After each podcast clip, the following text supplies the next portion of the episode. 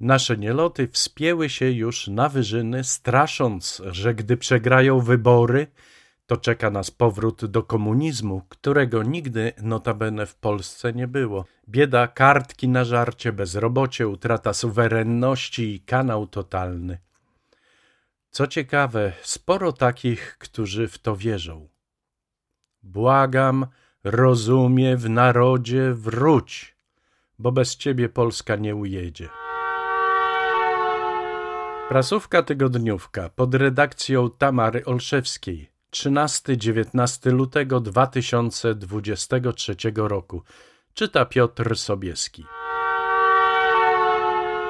Firma zięcia Beaty Kępy załapała się na kontrakt na wywóz odpadów powstałych w czasie budowy covidowego szpitala tymczasowego we Wrocławiu.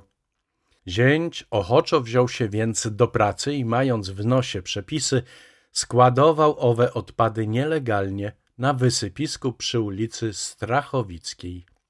Sprawa się rypła, więc Kępa idzie teraz w zaparte i nic nie wie, a zięciunio jakąś karę zapłaci.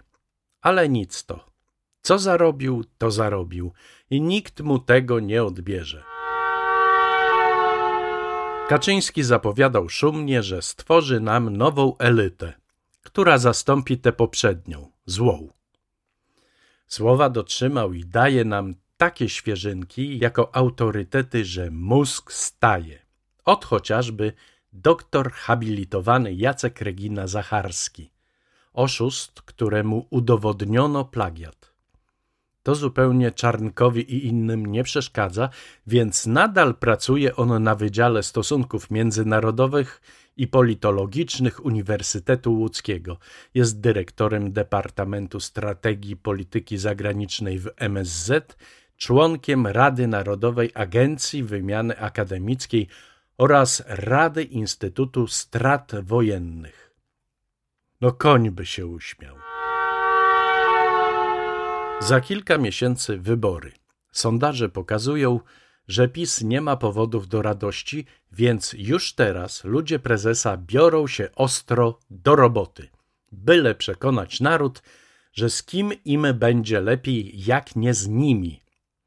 Beata Szydło w programie Sedno Sprawy na antenie Radia Plus przeprasza za błędy, ale zaznacza, że w odróżnieniu od opozycji, cytat, my potrafimy nie tylko przeprosić, ale też zmienić decyzje, wycofać się ze złych decyzji i szukać nowych rozwiązań. I to jest przede wszystkim również odpowiedź na to, że prawo i sprawiedliwość powinno cały czas rozmawiać z Polakami.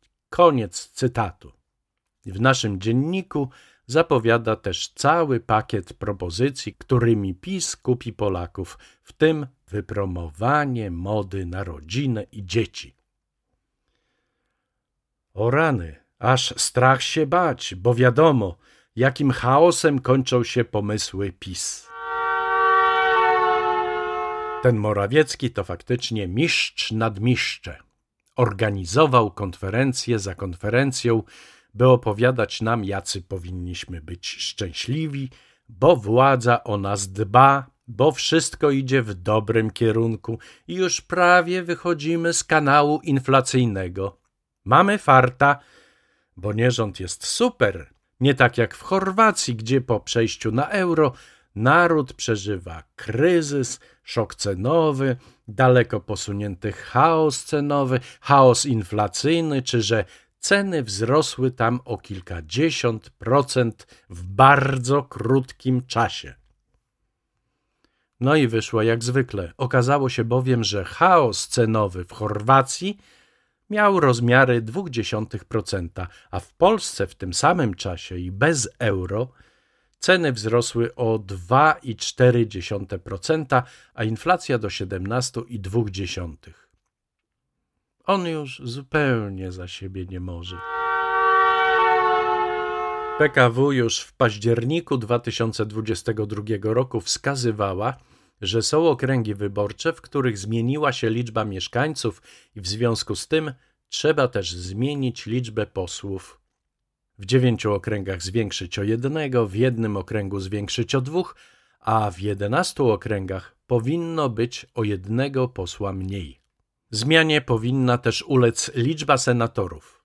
Sejm ma czas do maja, by się sprawą zająć, ale chwilowo cisza, choć wiadomo, że pozostawienie takiego stanu, jaki jest, to ewidentne naruszenie wyborczej zasady proporcjonalności i równości, którą gwarantuje konstytucja. No i może być tak, gdy PiS przegra wybory, to zażąda reasumpcji, bo została naruszona konstytucyjna zasada wyborcza, a gdy wygra, to położy uszy po sobie i będzie udawać, że wszystko jest ok. A naród? Naród zademonstruje kilka razy swoje niezadowolenie i będzie po sprawie. Wojna wojną, inflacja inflacją, a jednak świat nadal nie zamierza przejść do porządku dziennego nad tym, co nierząd i prezes wyczyniają z demokracją. Właśnie Europejski Trybunał Praw Człowieka wziął się za skargę sędziów, którym mimo nominacji poprzedniej Krajowej Rady Sądownictwa Duda odmówił powołania na stanowiska sędziowskie. Duda ma czas do wyjaśnienia swego stanowiska do 29 marca. Ciekawe, co wymyśli, by usprawiedliwić swoją niekompetencję i samowolkę. Nierząd i cały obóz władzy tkwią w przekonaniu, że są nie tylko przewodnią siłą narodu, ale już nawet całego świata, a tu takie rozczarowanie. W duńskiej emisji milionerów uczestniczka dostała pytanie, prezydentem jakiego państwa jest Andrzej Duda. Nie miała zielonego pojęcia, więc skorzystała z telefonu do przyjaciela, czyli swojego taty, a ten obstawił Czechy. Dziewczyna poszła za radą ojca i przegrała piętnaście tysięcy duńskich koron.